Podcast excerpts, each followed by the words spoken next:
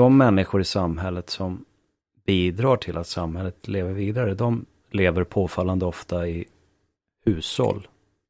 Och oftast man och hustru. Man får barn, man uppfostrar barnen. Och det är de här enheterna som gör att det finns ett samhälle då. Radio Folkungen den 30 november 2023. Klaus, Sven och Ingrid här. Idag ska vi prata om trygghet, alternativa trygghetssystem och eh, frågan om öppna och slutna omröstningar. Jag tänkte först vi ska göra en liten eh, återkoppling här till det vi pratade om förra gången. Vi pratade ju om om man skulle få göra tjänster skattefritt om man byter tjänster med varandra. Vi pratade om dagis. Eller lekis. Lekis. Eller vad heter. lekis ja. Mm. Och eh, sen såg jag något i flödet här. Jag har inte själv orkat kolla upp det. Men eh, det var någon som har lagt upp. Att Skatteverket anser att när två parter byter varor eller tjänster med varandra ska mervärdesskattekonsekvenserna bedömas för varje parts transaktion för sig. Det ska för varje part bedömas om denne gör en skattepliktig omsättning av en vara eller tjänst inom landet i egenskap av beskattningsbar person. Det där kan jag nästan lova kommer från en handledning från Skatteverket självt. Det lät så. Okay. Så om eh, Sven och jag träffas ute i skogen, han byter mina däck och jag lagar hans tuta. Då ska vi beräkna värdet på våra respektive tjänster och mellanskillnaden då ska momsbeläggas. Ja. Har jag förstått rätt? Ja, så vill Skatteverket, ja. Skulle jag tro. Mm. Kommer aldrig hända kan jag säga. Nej, det är väldigt svårt att kontrollera. Mm. Men däremot om vi kopplar till det vi pratade om sist då yes. eh, kring eh, omsorgsverksamhet så är ju det inte mervärdesskattepliktigt. Så det faller ju inte under den regleringen. Mm. Men hade du bedrivit det som en näringsverksamhet, vilket omsorgsverksamhet inte är, det är undantaget. Då hade det blivit något annat. Men den, eh, det kan man ju ändra när som helst. Det kan ju när som helst bli mervärdesskattepliktigt att eh, bedriva sån omsorg. Så det är inget konstigt där.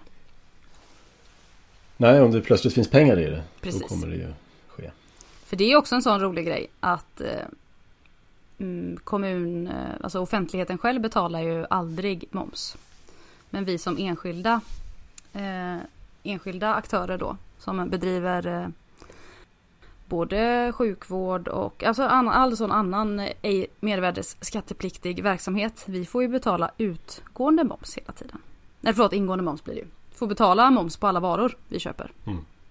Eh, eftersom verksamheten inte är mervärdesskattepliktig så kan man inte dra av moms åt andra hållet.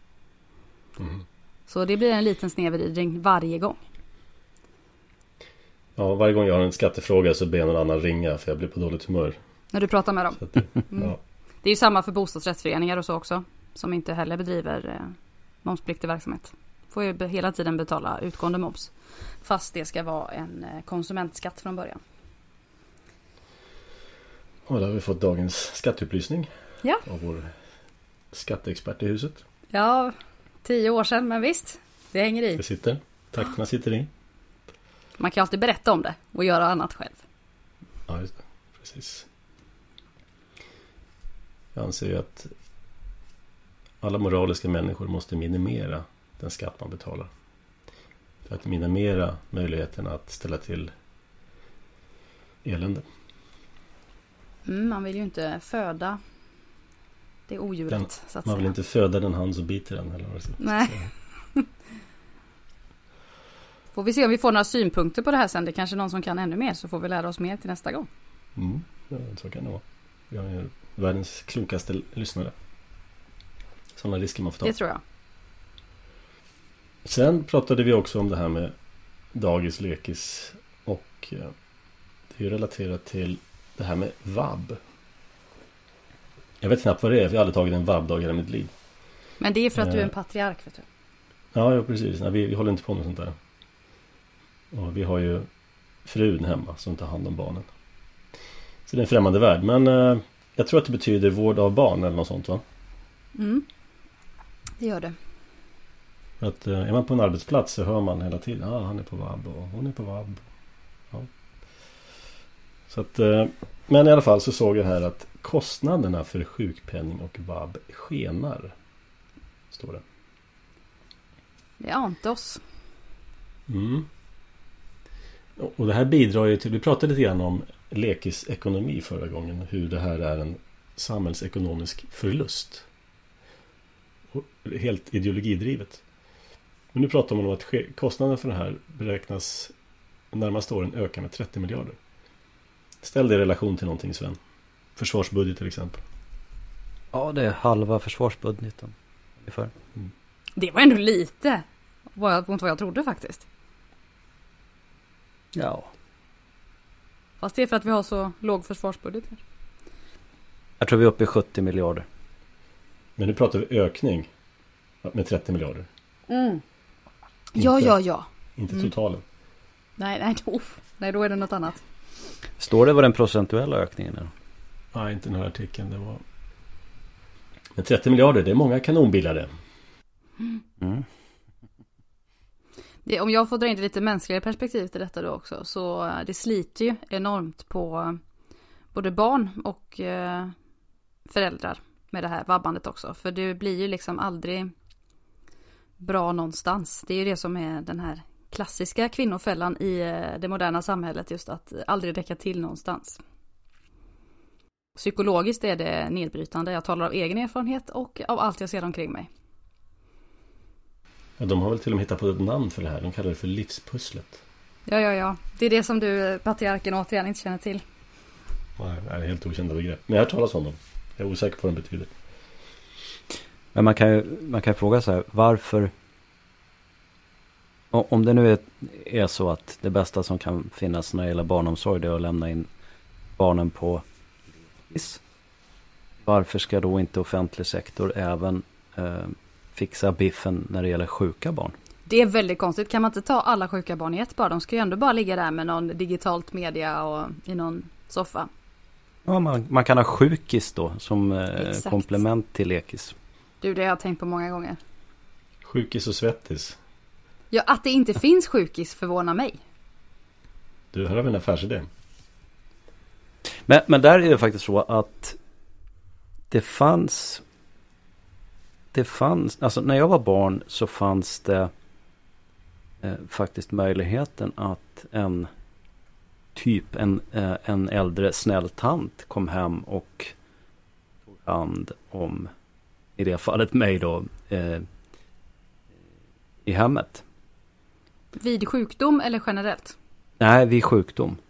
Jaha, jaha ja. Och, och eh, min, min hustru hade också en, en, för att knyta an då till förra avsnittet. Hon påpekade att eh, dagmammor borde vi ha nämnt. Mm. Eh, och det faktum att man, jag kan inga detaljer om det här va, så att det här blir lite hängande i luften. Men okej okay då.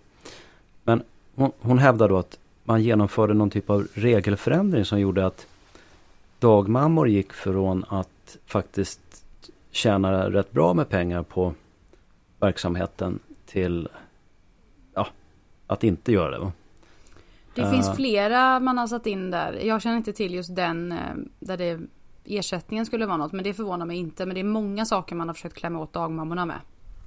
Ja, för att man, och det är naturligtvis för att man rent ideologiskt betraktar det som ett hot att mm.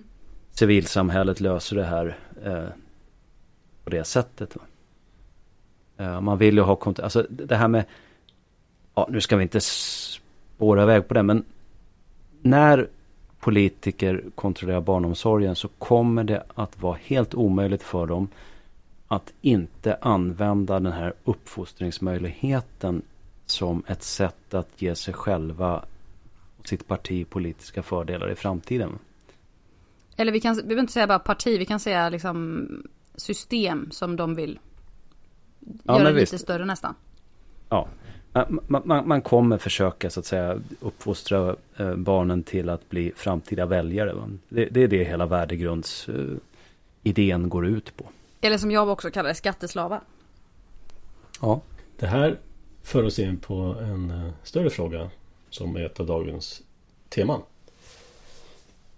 Eh, en, eh, hur, funkar, hur, hur skulle välfärd fungera utan de här systemen? Påminner mig om en diskussion jag satt i för några år sedan. Eh, och, då förklarade jag för motparten här att Ja men jag tycker vi borde lägga ner Försäkringskassan. Och de tittade på mig som jag var från en annan planet. Vilka var detta sa du? Ja det var några bekantas bekanta. Har du pratat med vanliga människor på detta sätt nu igen?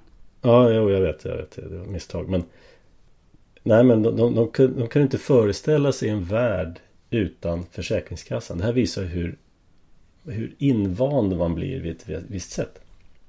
Jag försökte på alla möjliga sätt förklara att alltså det finns länder utan Försäkringskassa.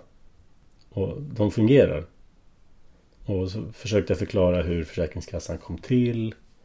Det var en gång i tiden privata försäkringskassor. Och sen tyckte staten att det här var en så bra idé så vi tar över det här. Och gör den obligatorisk. Allt som är bra det måste staten göra och det blir en mänsklig rättighet och det blir obligatoriskt. Och det hände då med Försäkringskassorna. Det blev Försäkringskassan med F. Därför att förr så hade människor gått ihop och tänkt att ja men eh, det finns ju risk att man blir sjuk. Ja, det finns risk för mig också. Ja, för mig också. Men vi kan väl gå ihop och pytsa in pengar i en pott. Och den som sen blir sjuk får ta ut en slant. Som vilken försäkring som helst. Från vilken försäkring som helst. Och det fungerade. Det var väl på den tiden också det talades om eh, sån här besiktning kanske inte heter då men personer som cyklade runt och kollade att folk faktiskt var sjuka. Man började misstänka att någon eh, miss, inte att utnyttjade systemet på felaktigt sätt. Ja, det är möjligt. För det brukar de använda som en skrämselgrej då. Alltså, tänk men vi inte ha det som förr när någon kunde komma hem till dig och kolla om du var sjuk eller inte. Ja, för den som betalar så är det väl jättebra att de kollar att de är sjuka eller inte. Ja. Om det är en frivillig eh, sammanslutning. A-kassorna var väl eh, någonting som jag kan inte riktigt historiken där, men den borde ju vara facklig och, och utan statlig inblandning då. Och det är många arbetstagare idag som tror att, att eh, deras medlemsavgift är det som finansierar a-kassan. Men eh, då kan jag ju upplysa om att så är det inte alls, utan det är en väldigt liten del av, av eh, a-kassans finansiering. Utan det är staten som, som står för a-kassan. Det är precis samma sak där. Det var också privata kassor inom fackföreningarna eller klubbarna. Ehm, och det var strejkkassor och det var a-kassor. Och eh, också en jättebra idé som staten tyckte man ska ta över och göra obligatorisk. Och bli en mänsklig rättighet. Mönstret går igen många, på många olika ställen. Mm. Och samma faktiskt också med eh, arbetsförmedlingar. Precis samma sak där. Små lokala arbetsförmedlingar. Och så gör staten Arbetsförmedlingen med stort A. Och med väntat resultat. I fungerande branscher så har ju numera Arbetsförmedlingen tagit tagits över av så kallade rekryterare. Istället. Mm. Så ibland går det åt det hållet också. Ja, Arbetsförmedlingen har, för, har väl utvecklats till att bli dit man går för att stämpla och få pengar. Det är väl det som... Ja, och ha sådana här stödåtgärder. Har ni sett den här filmen En på miljonen en gång? Med eh, Agneta Sjödin och han som var med Albert och Herbert en gång i tiden. Thomas från Brömsen. Just det. Så är det. I alla fall, det finns en rolig eh, episod där när han blir av med jobbet på banken och är på kurs hos Agneta. Som var på Arbetsförmedlingen. Rolig film, rekommenderas. Ja, den måste jag se om. Eh, men som sagt, staten har tagit på sig att bli försäkringsbolag i många olika branscher. Och då konkurrerat ut privata fungerande alternativ med sitt eget offentliga sällan fungerande alternativ. De borde även kunna ta över bilförsäkringar och boförsäkringar. Det är väl också en typ av mänsklig rättighet egentligen. Om man nu ska använda samma logik. Ja, det är ju mycket som det växer in i denna hydra? Ja, det är alltid ett sätt att värva röster. Jo, men det är klart att alla ska ha a-kassa. Det är klart att alla ska ha bilförsäkring. Nu kanske bil är ett dåligt exempel för bilar är onda men bostadsförsäkring i alla fall. Man börjar med cykelförsäkring nu kanske. Det är ju fint. Cykel. Elcykel. Ja, nej men som sagt. Och en annan sak faktiskt, det är pensioner. Samma grej där också. När den allmänna pensionen infördes så lades ju den på 65 års ålder. Vet ni vad medellivslängden var i Sverige på den tiden? 69 eller något sånt där kanske? 65. Jaha ja, smart. Så i genomsnitt skulle du betala in men aldrig få ut. Det var det som var affärsidén. Ja, ja, ja. Och sen har ju människor då haft oskicket att leva längre senare år. Och då har ju pensionen då förvandlats till en, en semester i slutet av livet. Ja. En typ av mänsklig rättighet. Och då är det klart att det hela inte håller längre. Det blir ett pyramidspel. Från början var det ju så att man betalade in och så skulle man då få ut samma pengar en gång i framtiden. Och det är ju så många tror att det fungerar än idag. Ja. Men idag är det de som arbetar idag som betalar in till de som är pensionerade idag. Ett så kallat pyramidspel. Vad var det jag såg? Jag såg någon, eh, någon artikel här. En pensions, pensionärsförening som hade räknat ut att en undersök, undersköterska som jobbat i 40 år med en slutlön på 30 000 kronor kommer att hamna 1400 kronor lägre i pension per månad än garantipensionären med fullt bostadstillägg. Mm. Mm. Det är bra. Och vem är en garantipensionär med fullt bostadstillägg? Ja du, kan det vara de som inte har jobbat i landet kanske? Precis. Till exempel. Så jobba hela livet som undersköterska och få mindre än de som aldrig har jobbat eller bott här. Kan ju också vara alla dessa förhatliga så kallade hemmafruar som vi inte har haft i Sverige på 50 år. Bara hemma hos dig Klaus då. Mm. Fast det kallas inte hemmafru då vill jag bara påpeka. Hemarbetare. Homemaker. Hemmaperson. Hemmamamma. Mm. Jag kallar hemmafru. Det låter mycket roligare. Det retar fler människor. Men det där är också Lyx, ett... eh, Lyxhustru. Ja, alltså hemmafru är ju lite av ett, eh, det är ett politiskt ord som Socialdemokraterna började hålla på med på 60-talet. Så att eh, du får hitta något annat så du kan säga lekis eller så. Nej men det, det, det har en bra effekt. Det retar folk. Det stämmer. Man, man ska ju tänka på här att de politiska krafter som har velat ha eh, det här pensionssystemet då som vi har nu. De låter ju det här orättvisan då mellan faktisk eh, inkomst, den här skillnaden mellan de som faktiskt har arbetat och de som inte har arbetat. Men då får eh, bostadstillägg och så vidare. Eh, samma politiska kraft, de accepterar det här helt uppenbara toket. Eh, för det här har ju varit en frågeställning länge nu. Det är ju ingen som gör någonting för att försöka få rätsida på det här. Vilket ju är helt oförståeligt därför att jag... Om vi... Alltså högern borde ju inom sin ideologi kunna fixa det här omedelbart.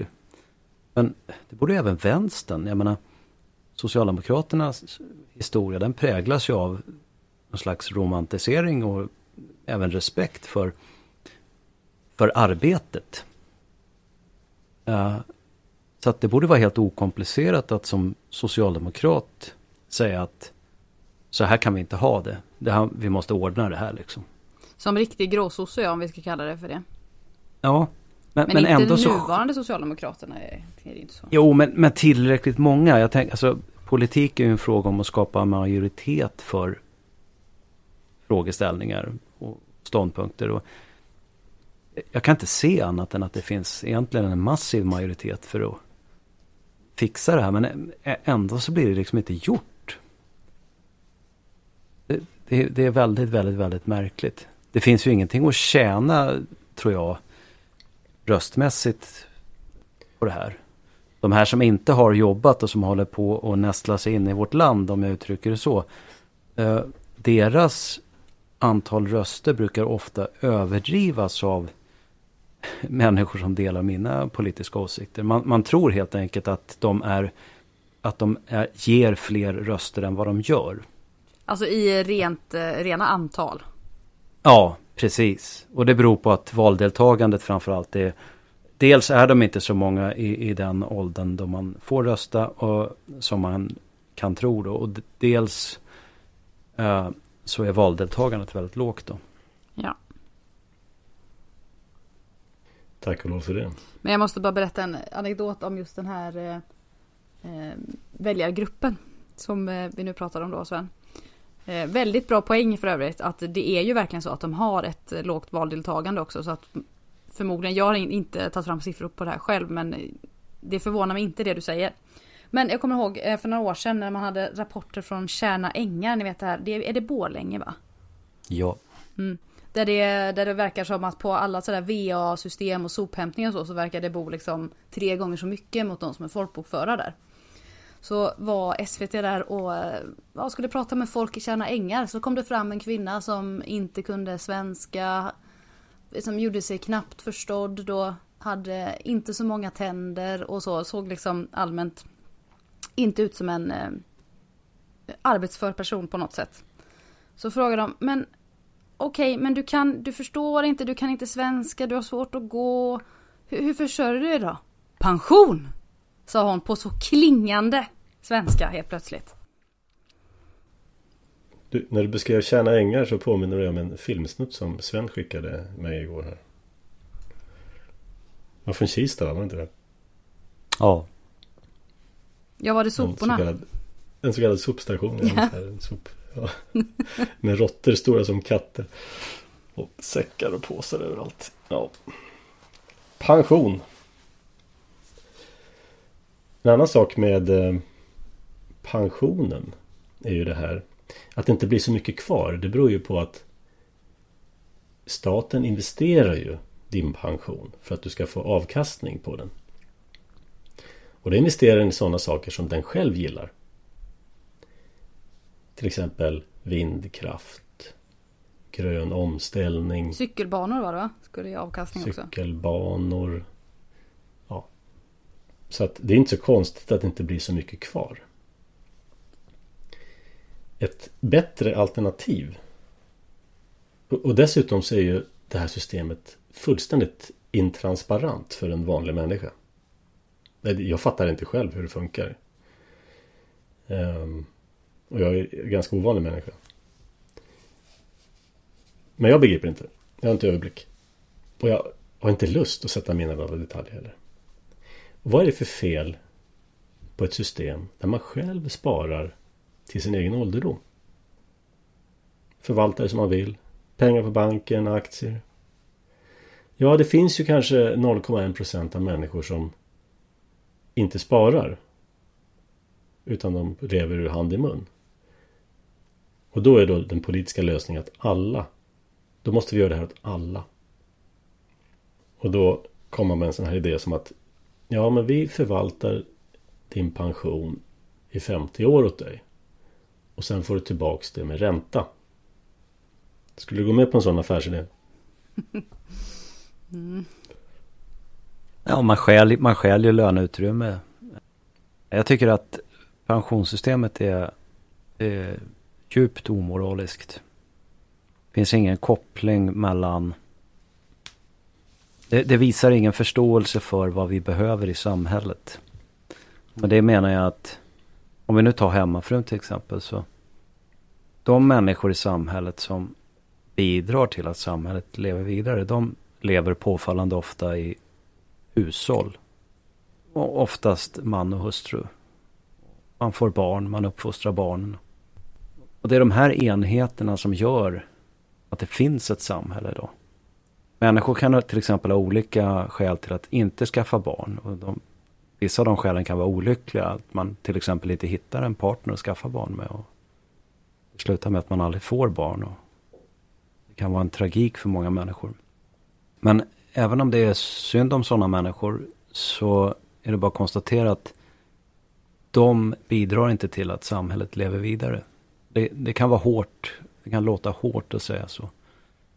Jag, jag säger inte så med för att, för att såra sådana människor utan jag tror att vi kan vara solidariska med dem också.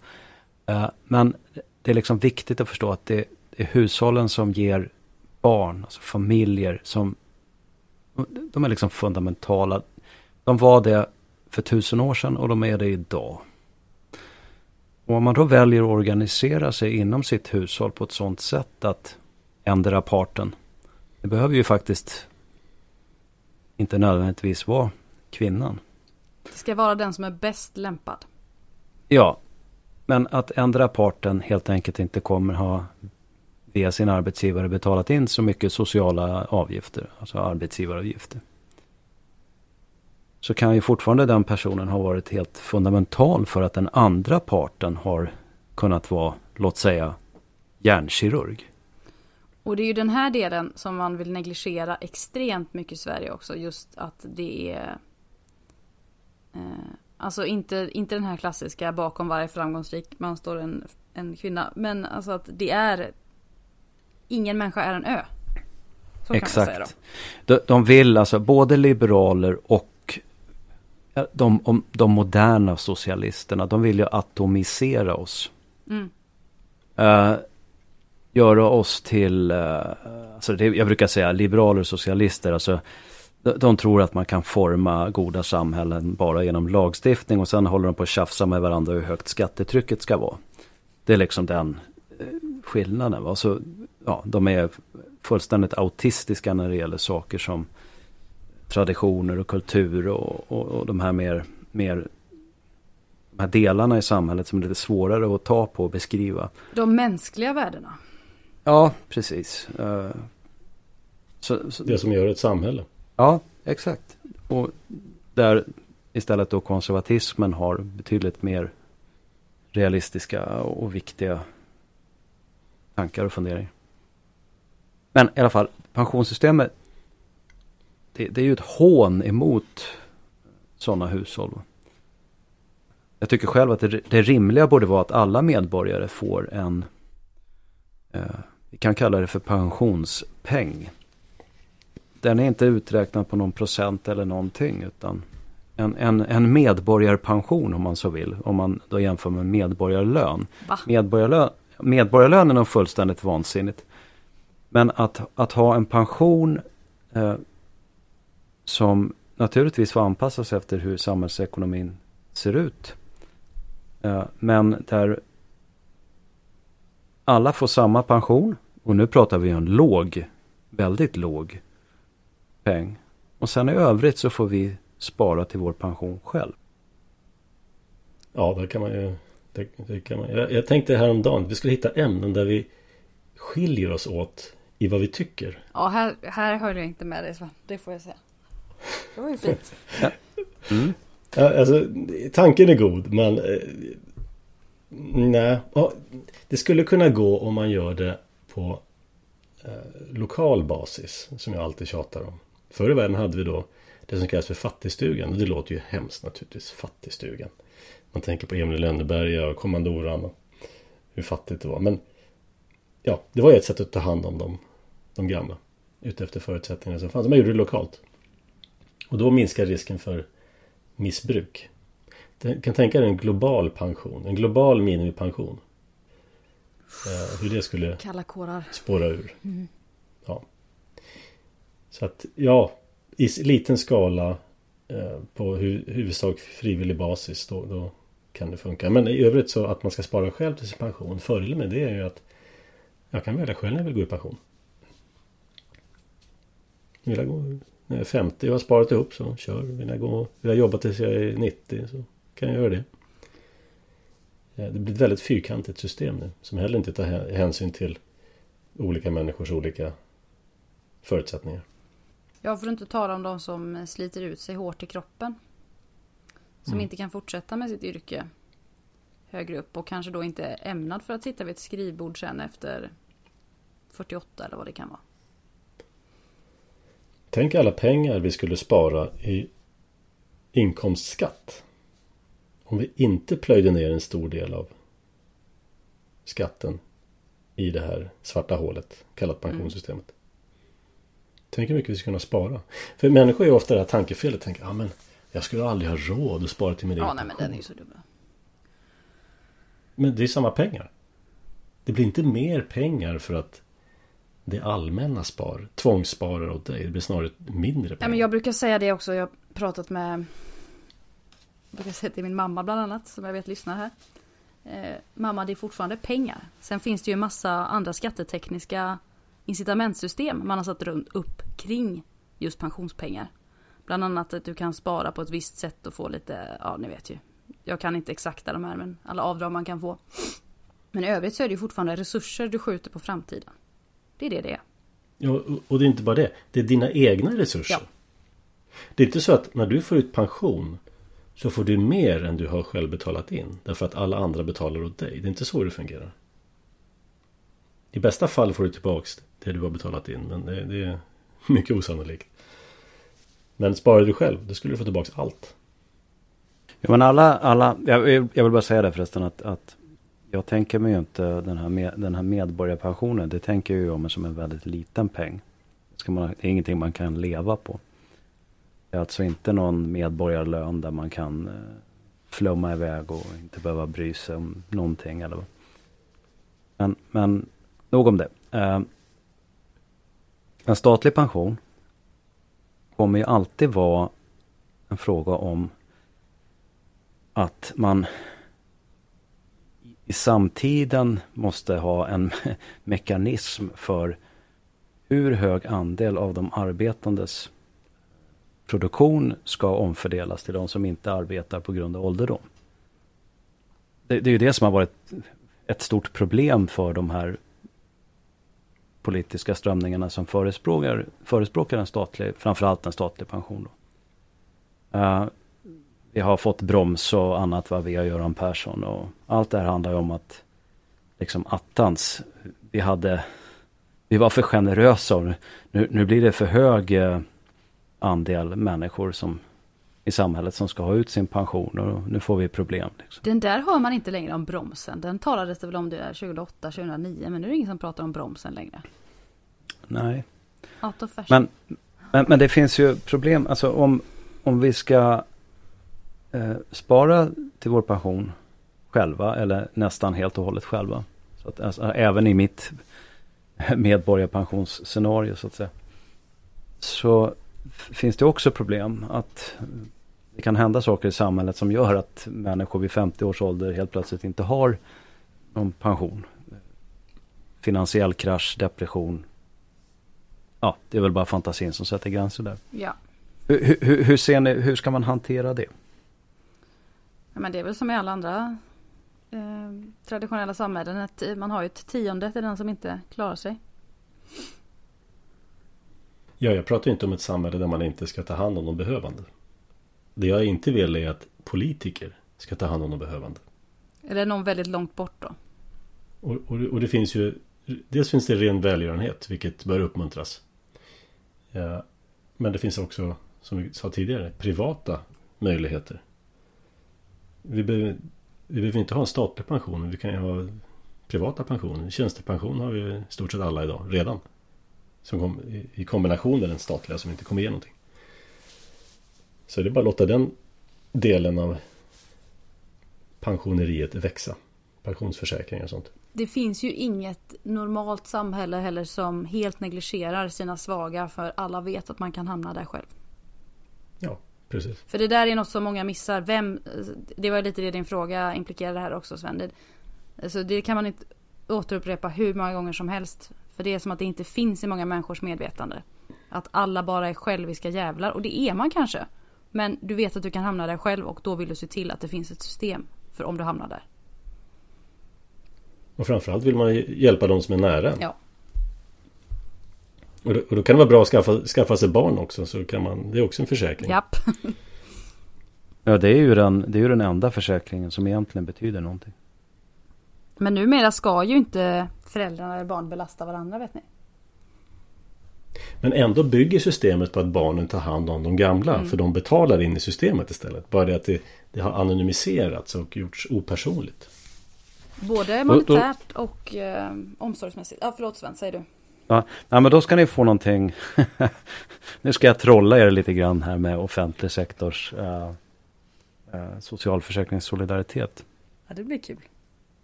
Ja, det är inte så roligt. Uh, men det kan ju inte du veta innan jag har berättat det. Men...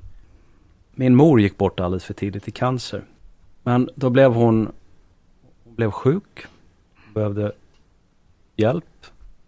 Och jag upptäckte att det finns inte bara vab. Det finns faktiskt, eller fanns då. Jag vet inte hur det, Det är idag. finns en vård av närstående. Ja. Så att eh, under en period så var jag faktiskt tjänstledig en dag veckan från mitt jobb och tog hand om min mor. Och fick då, antar jag att det var, det kommer jag inte ihåg, men samma ersättning. Det är, det är fel ord egentligen, men jag tror man kallar det för det. Du får Som- det på SGI-nivå 80% av din lön tror jag fortfarande. Ja, precis. Samma som jag fick när jag vabbade med min dotter som var i den åldern då. Och och observera då att här eh, så sammanfaller ju återigen att det, det är en statlig socialförsäkring men plötsligt så är det okej att föräldern eller i det här fallet då den, det vuxna barnet tar hand om sin sjuka förälder. Eh, Det är ju en väldigt stor dubbelhet i det där. Alltså, det är mer att man ska styra i vilka lägen du får ta hand om någon. Det är det de här systemen går till. Ja visst. Ja men visst är det så. Det, det där är ju väldigt populärt bland nysvenskar. Ja, Jag vet flera fall där man har flyttat hit och man tar med sig sin gamla sjuka mamma som får vård och eh, elektrisk rullstol och eh, barnet vårdar, får lägenhet till mamman, får lägenhet till sig själv, hyr ut ena lägenheten. Ja, det går att tjäna massa på det där systemet. ja det är också ett helt system just att ta hand om eh, både sina då föräldrar eller någon annan närstående men också handikappade barn där man får, eller funktionsvarierade heter det nu för tiden. Där eh, föräldrarna får betalt för att ta hand om, eh, om barnen. Det kan man ju lista ut på förhand att det här kommer leda till korruption. Ja. Men jag ska bara säga det. På tal om svenskt tidigare idé där. Bara för att jag inte vill att politiker ska göra en viss sak. Lösa, lösa ett visst problem. Betyder det inte att jag inte vill att det ska lösas. Så bara för att jag inte vill att de ska omfördela pensioner och a-kassa och sådär. Så betyder det inte att jag inte vill att, att sånt ska finnas tillgängligt. Men det, man kommer in i det här typ av sossetänkande. Som sagt, man ser systemet. Man kan inte tänka sig ett liv utan Försäkringskassan. Eh, och jag jag minns själv hur jag tänkte. Jag var ganska liten och så hörde jag att ja, men de som har tjänat mer. De får mer i pension av staten. Hur orättvist jag tyckte det där lät. Men det är ju så att man har ju tvångssparat åt dem i förhållande till hur mycket de har tjänat. Och hade det varit en, en privat privat sparande så är det självklart att den som har sparat mer ska ha mer till godo. Men när offentliga gör det här så blir hela tankemönstret förvrängt på något sätt. Då tänker man i termer av rättvisa istället. Eller och, inte bara i rättvisa. Jag hävdar ju att den som har sparat mer ska ha mer, att det är rättvist. Men i termer av att det ska vara lika. Ja men det, det, det är så mycket som är fel i det här. Eh, det nämndes här eh, arbe- eh, yrken där man kan vara slut i kroppen och så vidare. Man har ju inget sätt att hantera det här. Eh, nu, nu höjer man liksom, nu är pensionsåldern 67 tror jag. Reinfeldt, den hemska människan, han tyckte att vi skulle jobba till 70. För han tyckte det är kul ja. Och vara ordförande Ja, i FIFA ja, men- eller vad han är. ja visst. Men det, det finns ingen diskussion eller rekommendationer. Vad är rimligt att förvänta sig som en, en bortre gräns för att vara yrkesaktiv i olika yrken? Alltså, ska vi ha eh, SAS-piloter som är 65 år gamla? Mm. Ska vi ha, eh, är det rimligt att förvänta sig att en 64-åring åker ner i gruvan? Och så vidare. Eh, Nej men det blir ju alltid så. Det blir en lösning för alla. ja, När man gör det storskaligt. precis. Och om man trycker alla de här eh, gränserna liksom framåt. Det går ju aldrig åt andra hållet. och det har ju inte bara att göra med att vi har en ökande medellivslängd. Och det är som en backventil i det här. Va? Det liksom tillåter bara flöde i en riktning. Varför? När vi nu har, eh, när, vi har ju trots allt blivit rikare eh, per capita de senaste, eh, säg 50 åren. Var, varför kan inte, har, har, vi, har vi inte blivit rikare i tillräcklig takt för att kunna hantera en ökad medellivslängd? Ja, men det är intressant det där vad alla de eh, resurserna tar vägen. Ja, gjorde man som man gjorde förr, då skulle pensionsåldern ligga på 85 eller någonting sånt där. Som väl är medellivslängden nu. Ja. Nej, det, det, det, går inte att göra rätt. Hur man än vrider och vänder sig så har man rumpan bak. När man gör det i offentlig sektor. Ja, och sen man, man duperar ju eller lurar unga människor. Och får dem att tro då att det enda viktiga här nu det är att eh, det är det här du kommer få i, i folkpension. Eh, sen har du en tjänstepension då förmodligen via, via din arbetsgivare. För du har väl, du har, arbetar väl hos en arbetsgivare som har kollektivavtal. Och här finns det ju ett aktuellt fall då i form av Tesla som vi säkert kommer återkomma till här i något annat avsnitt. Där facket tar strid för att eh, det måste absolut finnas kollektivavtal med, med, med tjänstepensionsöverenskommelser då. Man kan ju ha tjänstepension utan kollektivavtal. Ja, visst, naturligtvis. Eh, men när man kommunicerar det här till unga människor så tror ju de att allt det här reduceras till någon slags försäkringspremiefråga. Och sen så för man bort så att säga blicken eller deras fokus från andra aspekter av att bli gammal. Mm. Eh, som jag och min hustru, vi har i våra liv fäst väldigt stor vikt vid att få ordning på vårt hus, så att säga.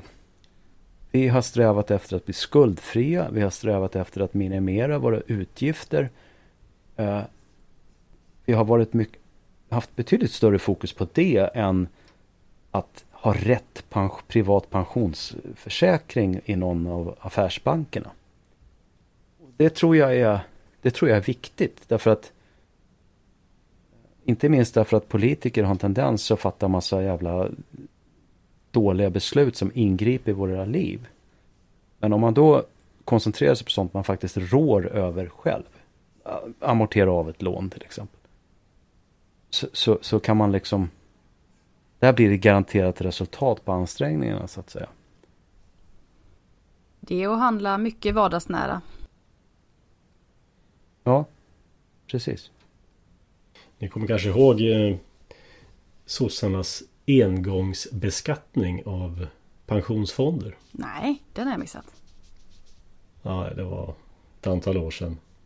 Då tittar man lite lystet på privata pension, pensionsfonder och försäkringar. Så man, ja, men vi tar, rakar av någon procent här en gång. Ja. Och gör vi det till en engångsbeskattning för att vi behöver det helt enkelt. Krigsskatt. Och så, och så gjorde man det. Man bara stal rakt av. Jaha, ja. Och sen kom en borgerlig regering och då betalar man tillbaka det där. Um, men helt sjuk grej. Så när, pengarna, när du inte har pengarna framför dig Då är de inte dina. Uh, när, du inte kan, när du inte kan ta ut din pension då är de inte dina. Det kan hända saker innan, det, innan du får ut dem. Det där brukar jag De skickar de här orangea kuverten även till mycket unga människor. Och jag hörde senast Det var inte alls länge sedan i lunchrummet sådär. Och jag tittar på den här, jag mådde dåligt hela helgen. Och då kan jag, kan jag ju naturligtvis inte hålla mig. Då gör jag det nästan ännu värre och säger du, du kommer inte se din pension som du tror. Vad jag är tvungen att säga då. Det kanske inte gjorde saken lättare för den här stackars människan men att man håller på så här, skicka ut de där orangea kuverten till folk. Ja, framför ett system som inte är ett system, det vill säga man betalar själv. Spar själv, betala själv. Ja, ska vi gå vidare? Vi har ett ämne kvar vi ska mm. prata om också. Vi pratade om det här med röstningar, öppna och slutna. Det får mig att tänka på en text jag skrev här för ett tag sedan, måste vara ett år sedan. Där jag förespråkar öppna val. Det vill säga alla människors röster som de lägger upptecknas på en lista. Inga sådana här hemliga kuvert och urnor och grejer och gröna skärmar. Din röst är offentlig. Man kan naturligtvis argumentera för fördelen med hemliga val. Men jag vill argumentera för fördelen med öppna val. Vad är egentligen argumenten för hemliga val? Jag har faktiskt aldrig satt mig in i det och jag har inte förstått det heller för den delen. Nej, det är väl att ingen ska kunna förfölja dig om du röstar Sverigedemokrat eller sådär eller så. Så att det, det är den stora den stora fördelen. Men det är ju också det där. Alla ska få rösta. Alltså ja, jo, men om det är alltså jag har egentligen inget emot för eller emot det, det egentligen. Men om allt är öppet för alla så blir det ju en mycket mindre sak. Det är ju det här eviga tjatet om valhemligheten. Alltså du är ju en människa hela tiden som man märker vad du tycker och, och tänker. Ja, jag menar, om jag ska anställa någon om jag har ett energiintensivt företag så kanske jag vill eh, se att jag inte anställer någon som har röstat för en massa vindkraft och ingen kärnkraft. Men den fattar inte då. Helt del. Ja, kanske han lär sig. Ja. Nej men det, en, en, fördel är också att det, valfusk blir i stort sett omöjligt. Jag kan gå in och kolla på min röst. Ja, den stämmer. Alla kan göra samma sak. Ja, och dessutom så kommer det krävas att att jag, jag, kan på ett annat sätt motivera min röst. För folk kan ifrågasätta mig. Varför röstar du sådär? Ja, men då vill man ju kunna förklara sig. Helst.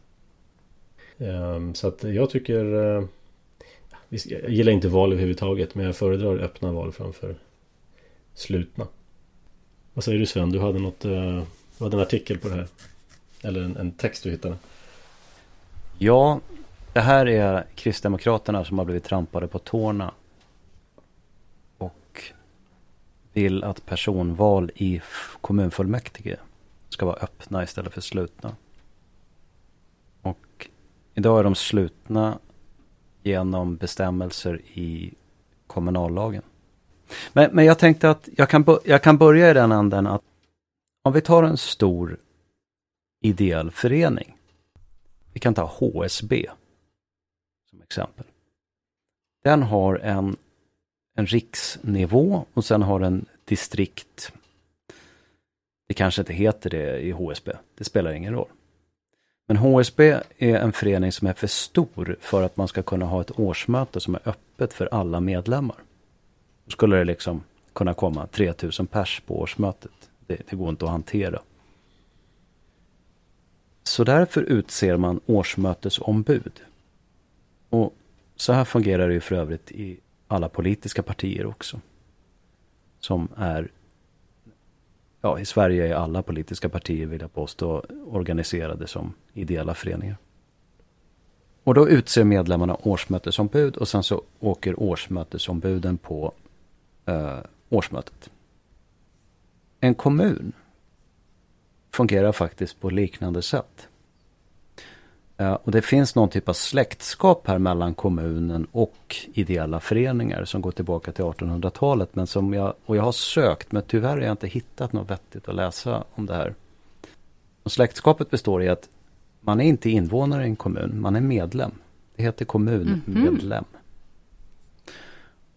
Mm. Och när vi går var fjärde år och röstar i kommunvalet. Då väljer vi vad som kan jämföras med årsmötesombud. Det vill säga ledamöterna i fullmäktige är årsmötesombud. Det är bara det att de har istället för att ha ett årsmöte så har de kanske 8, 9, 10 stycken under ett år. Och vad händer då när vi har haft val i september? Jo, det första som händer är att fullmäktige sammanträder. Och sen väljer fullmäktige en valberedning. Valberedningen kommer sen att arbeta med att ta fram förslag på personer till de olika förtroendeuppdragen i kommunen. Och det är då kommunstyrelsen, det är nämnderna som finns, de kan ju variera i olika kommuner. Eh, vissa nämnder är obligatoriska, valnämnden till exempel. Eh, det är även styrelseposter i kommunala aktiebolag. Och här kommer ju valberedningen utgå ifrån valresultatet då. Och man kommer ha kontakt med de olika partierna.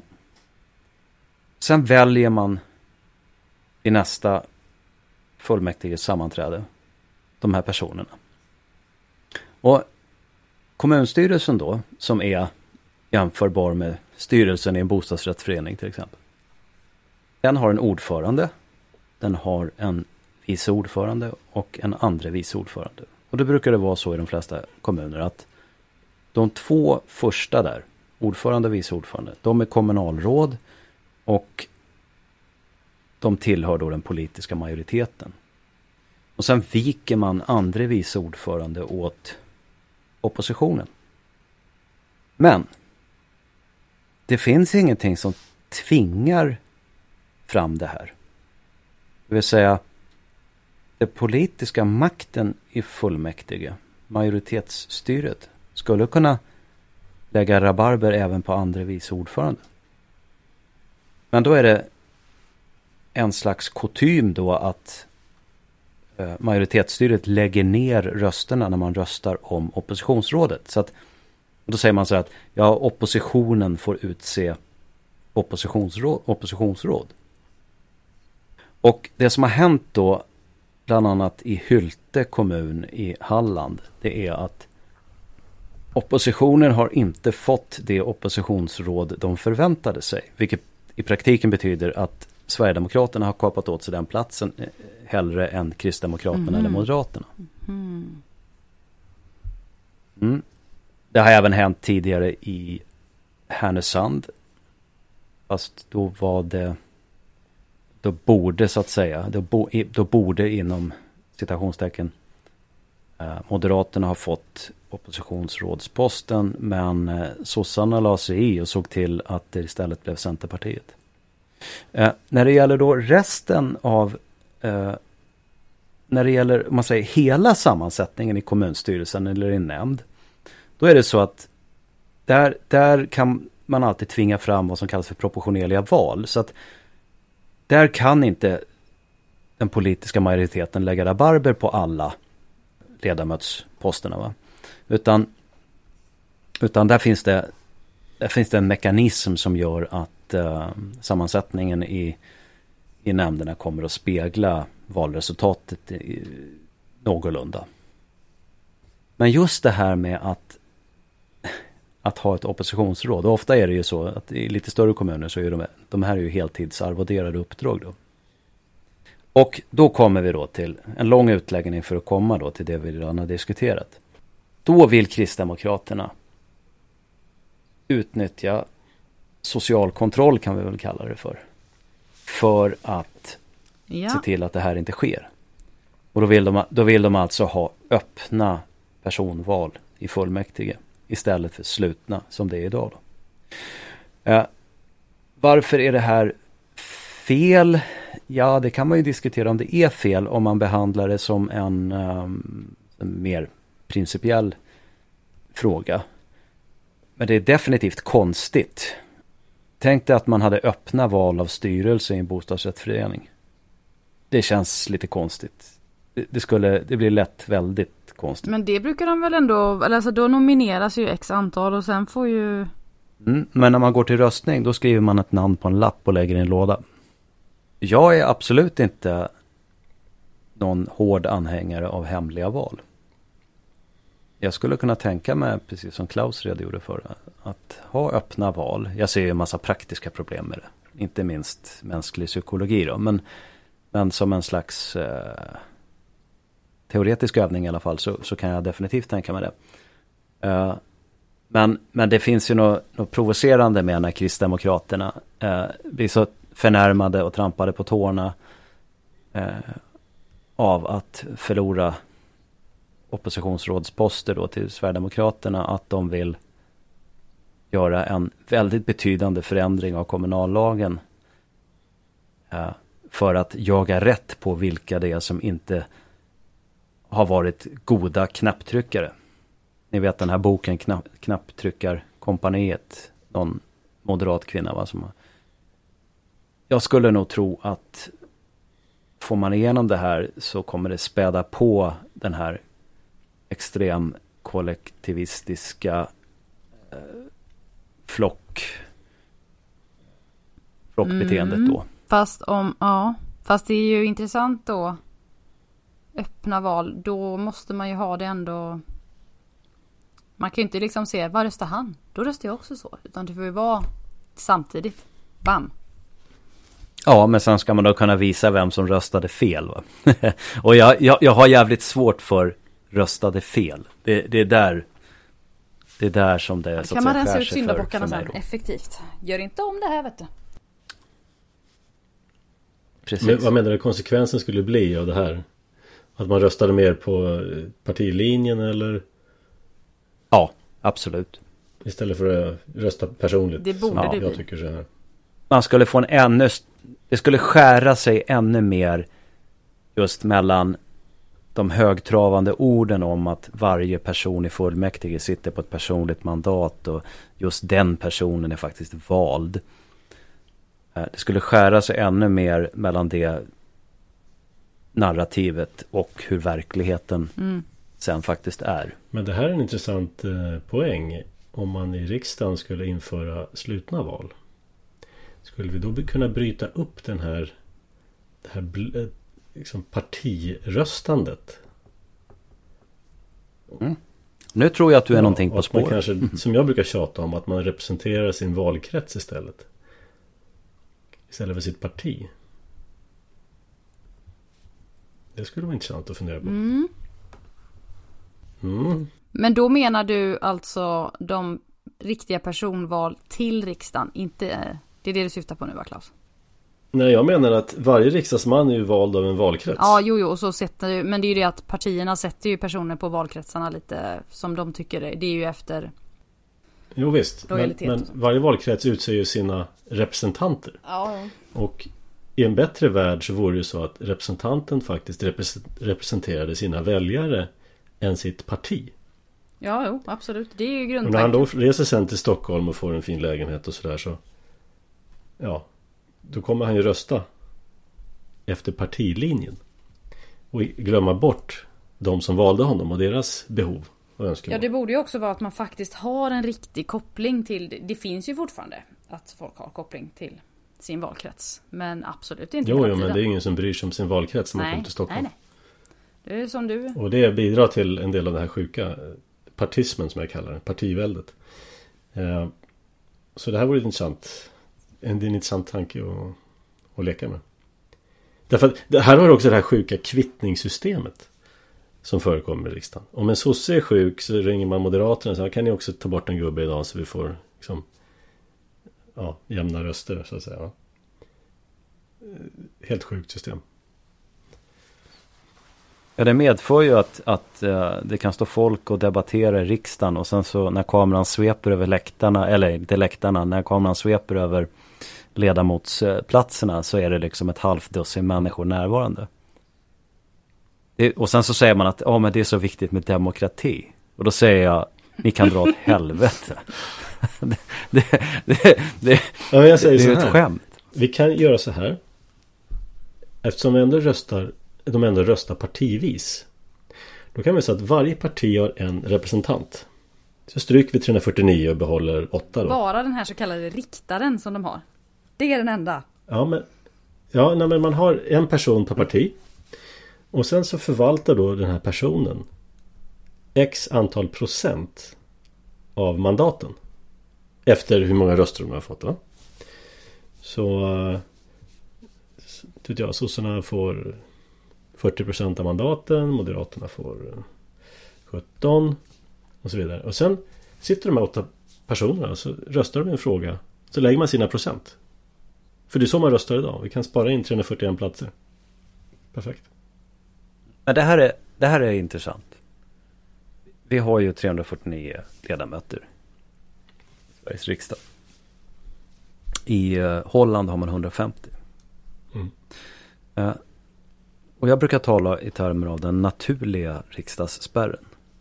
Den naturliga riksdagsspärren det är helt enkelt eh, alltså antalet ett delat med antalet ledamöter i församlingen. Så att i Sverige så är den naturliga, en, en, en, en riksdagsledamot i Sverige utgör 0,3 ungefär procent av riksdagen. Eh, Medan i Holland är det 0,67 har jag för mig procent. Alltså en 150 del. I Holland så finns det ingen riksdagsspärr i, i, ingen spärr i riksdagsvalet. Så att eh, ett parti som får, säg 0,8 procent i Holland, den tar ett ja, mandat. Och blir, och blir alltså representerat. I Sverige har vi en 4% spärr. Vilket gör att du tar inte det första mandatet utan du måste upp i 4% för att överhuvudtaget få vara med och dela på bytet. okay. 14 har jag för mig, men jag kan komma ihåg fel. Bytet, perfekt uh, formulering. Ja, ja. ja, men det är det det handlar om. Men då kan man vända på steken och så säger man så här, okej, okay, om vi nu har, Eh, jag, jag kallade det för en naturlig spärr, men om vi då vänder på steken och så säger vi så här, okej, okay, vi har en 4% spärr vad är det naturliga antalet riksdagsledamöter för att ett mandat ska motsvara riksdagsspärren? Och det är ju 25. Mm. Om inte jag räknar fel nu. Alltså en 25-del. Så att med, med 25 riksdagsledamöter då skulle en ett mandat motsvara 4 procent. Jag förespråkar 8. Eller en för varje parti. Nej, jag förespråkar inte alls det systemet. Men om man nu... Det finns olika sätt att förbättra det. Gör det mindre dåligt. Ja. Men eftersom alla då ändå... Då, då, då löser man ju det här. Ja, men då har vi 25 mandat i riksdagen. Uh, vi sparar massa pengar. Uh, ingenting blir annorlunda. Det är fortfarande en 4% spärr. Men den är naturlig eftersom det bara är 25 mandat. Eh, och eh, partierna får som vanligt göra upp. Och istället för att man har ett kompani så har man några få ledamöter i riksdagen som, som trycker på partilinjen. Ja, men den absolut viktigaste frågan är att riksdagen ska ha betydligt mindre att säga till om. Vi behöver en riktig grundlag som verkligen bakbinder statsmakten. Det hade varit ännu viktigare. Ja, visst. Men det är intressant. Som jag sa på, som jag sa på gillet, jag, jag är ju någon slags uh, högst ofrivillig libertarian då. Jag, kall, jag kallar mig inte libertarian, men när man liksom observerar utfallet av det här systemet vi har. Alltså, de här politikerna, de, de, de är så många, de sitter på heltid och funderar på hur samhället ska skötas. De har enorma resurser. Det, ja. I form av skatter. ja, ja, men, men utfallet blir så fruktansvärt dåligt i förhållande till både ambition och tillgängliga resurser. Då måste man ju liksom fråga sig själv. Råkar vi bara hela tiden ha dåliga politiker eller finns det något annat som är fundamentalt fel här? Och uh, min, min slutsats är ju att de här människorna de måste avhändas makt. Ja, precis. Och det gör man genom att reducera kraftigt deras intäkter. Så är det. Deras intäkter och deras befogenheter. Ja. Ja, och sen har vi det här... Uh... Att det, det, är, det är både ja. lagstiftning och ekonomi. Men ekonomi är det som i slutändan styr. Ja, det är en poäng jag glömde göra där i vårt förra ämne. Det är att eh, om man tar bort eh, dels den progressiva skatten och sambeskattningen har man också väldigt mycket gjort i den här familjeenheterna. Så fick jag sagt det också. Mm. Eller ligger till sambeskattning snarare, inte, inte borde tagit bort den. Just det. Bra. Nu tycker jag vi har uttömt dessa ämnen. Tillfredsställande. Och därmed så avslutar vi den här sittningen. Och så hörs vi om en vecka igen. Hej så länge. Hej.